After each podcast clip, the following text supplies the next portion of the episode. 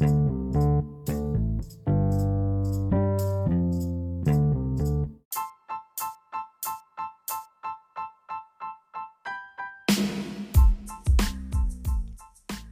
apa saja yang diperlukan untuk membuat konten YouTube? 1. Smartphone atau laptop. Saat Anda mau membuat konten YouTube, maka saya akan bertanya kepada Anda, berapa budget yang Anda miliki untuk membuat konten di YouTube? Kalau low budget, maka saya akan merekomendasikan menggunakan smartphone. Bagi saya, smartphone adalah paket komplit. Kita bisa merekam video, audio, mengambil gambar, bahkan melakukan editing. Namun demikian, bagi saya, melakukan pengeditan di komputer jauh lebih efektif. 2. Microphone clip-on Alat ini digunakan untuk merekam audio.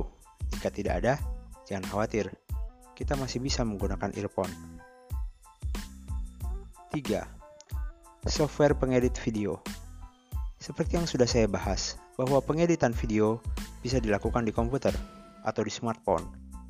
Jika pengeditan dilakukan di komputer, software yang saya gunakan adalah Movavi.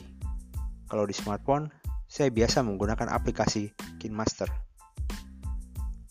4. Akses internet. Ini sudah wajib. Karena untuk mengupload video dengan kapasitas besar pasti membutuhkan koneksi internet kuat dan stabil. 5. Aplikasi YT Studio Aplikasi ini resmi dari YouTube. Aplikasi ini bisa kita install di smartphone kita. Aplikasi ini kita gunakan untuk mengetahui perkembangan dari channel video kita. 5 peralatan ini kita siapkan sebelum kita membuat konten di YouTube. Setelah peralatan tersedia, kita bisa langsung membuat konten di YouTube. Dalam proses pembuatan konten di YouTube, kita akan bahas di episode 2. Silahkan subscribe dan nyalakan tombol loncengnya, karena akan ada episode berikutnya yang mungkin bermanfaat untuk kemajuan channel Anda.